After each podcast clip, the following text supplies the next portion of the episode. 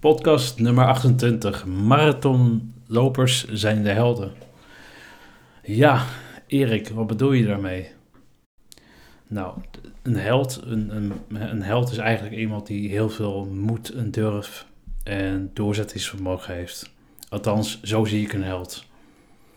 En als wij naar een marathonloper kijken die op tv een, een hele mooie, mooie tocht maakt en ineens letterlijk door het wind gaat omdat hij gewonnen heeft.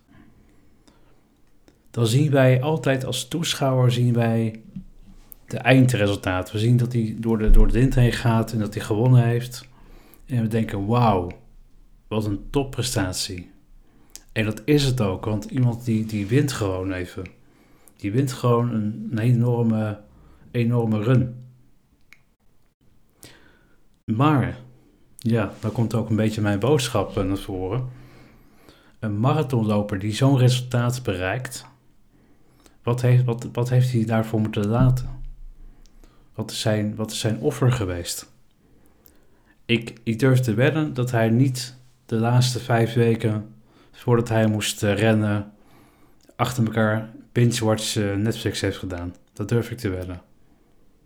Ik durf te wedden dat hij altijd, hij of zij, altijd gezond heeft geleefd afgelopen weken, maanden, jaren misschien wel. En eigenlijk is het een metafoor, wat ik nu benoem, voor, voor, voor, voor heel veel dingen in jouw leven, in mijn leven.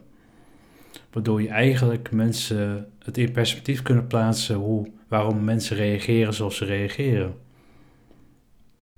Als ik, als ik naar mezelf kijk, ik ben, ben heel erg gekleineerd in mijn jeugd door mijn vader. En dat heeft een behoorlijke wissel getrokken op mijn mentale gesteldheid. En ik merk nu ook steeds meer dat, dat die, die kracht, zeg maar, die mentale kracht, naar boven komt. Dus ik, ik merk gewoon dat ik mentaal heel erg krachtig ben. Juist door die enorme marathon die ik heb gelopen in mijn jeugd. Dus niets komt zomaar aanwaaien. En dat is ook een beetje de boodschap die ik wil, wil brengen. Want het is een, een jarenlange ja, training geweest om, om je zo te kunnen handhaven in bepaalde zin. Dat je gewoon jezelf kunt zijn. Je ja, dingen kunt dealen op jouw manier. Hè? Kijk, het is, het is altijd wel. Het blijft interessant om te kijken naar de levensloop van iemand. In plaats van alleen maar te kijken naar het moment zelf. En als mensen kijken naar een levensloop van iemand, dan begrijp je ook het gedrag. Want het gedrag is heel makkelijk te veroordelen van oké, diegene doet zo, dus die is zo. Maar als je je echt verdiept in waarom diegene zich zo gedraagt en daar oprecht onbevooroordeeld naar luistert, dan, dan zul je merken dat hij veel meer achter schouw gaat. Hè, dat dat, kijk, ik, ik kan een voorbeeld noemen. Ik ben in mijn jeugd, in mijn tienerjaren, ben ik uh, vaak bedreigd door, uh, ja, door Marokkanen en Turken. Met de mes zelfs ook nog. En ik zat toen op een zwarte school. En dat is natuurlijk wel heel erg heftig als je dat op die manier, op die leeftijd ook meemaakt, 16, 17. Je bent nog hartstikke jong. En ik had van het weekend had ik een, uh, had ik een telefoon te koop gezet op, op, op internet. En die mensen die reageerden met, uh, met een voluit Nederlandse naam. En ik dacht, oké, prima, weet je, maakt niet uit, kom maar. Het gaat me niet om de naam, maar gewoon wie, uh, wie, wie, wie, er komt. En stappen bij mij thuis stappen twee mensen binnen van, denk Marokkaanse afkomst. Ik, ik, ik kon twee dingen doen op dat moment. Of zeggen van, hé, hey, dat oude, de oude, het verleden speelt mee. Van, ik kan, ik kan ze vriendelijk vragen het huis te verlaten, want ik heb nog in mijn hoofd zitten dat die mensen mij kunnen bedreigen. Dat kan. Of ik kan zeggen: Oké, goed, dit was toen en nu is nu. En ik heb het laatste gekozen. En ik had een hartstikke leuk gesprek met die heren. Het waren hartstikke aardige mensen. Dus wat, je verleden ook is, het is altijd wat, wat is er nu.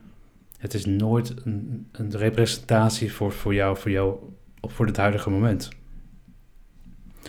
Dus ja, mijn, mijn reactie had veel agressiever kunnen zijn op dat moment. Maar ik, ik koos ervoor om die ervaring opnieuw te doorleven. Van oké, ik wil een positieve, positieve lading aan, aan deze, dit moment geven.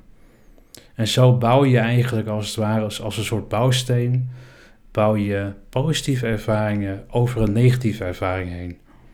Dus eigenlijk, hè, als dit zou herhalen, zou je zeggen... oké, je hebt een negatieve ervaring in je verleden meegemaakt... Uh, misschien een, zwaar moment in je jeugd. En je kan op hetzelfde moment met dezelfde mensen of met andere mensen, maar dan in dezelfde soort setting, dat ik net, net aanhaalde, kun je herbeleven op een positieve manier, waardoor je eigenlijk denkt: hey, ja, maar wacht even. Dat was inderdaad toen. En we leven nu vandaag. En mijn beeld, wat altijd zo geweest is, niet, niet mijn beeld, maar het algemeen een beeld, zo geweest is, dat is niet meer, niet meer relevant. Het sluit niet meer aan bij het heden. En dat is denk ik wel een heel mooi inzicht, omdat je dan veel meer open kunt staan voor wat zich vandaag aandient. En dan bouw je weer aan je toekomst. Aan de mensen met wie je ja, leven wil bouwen. Dankjewel voor het luisteren.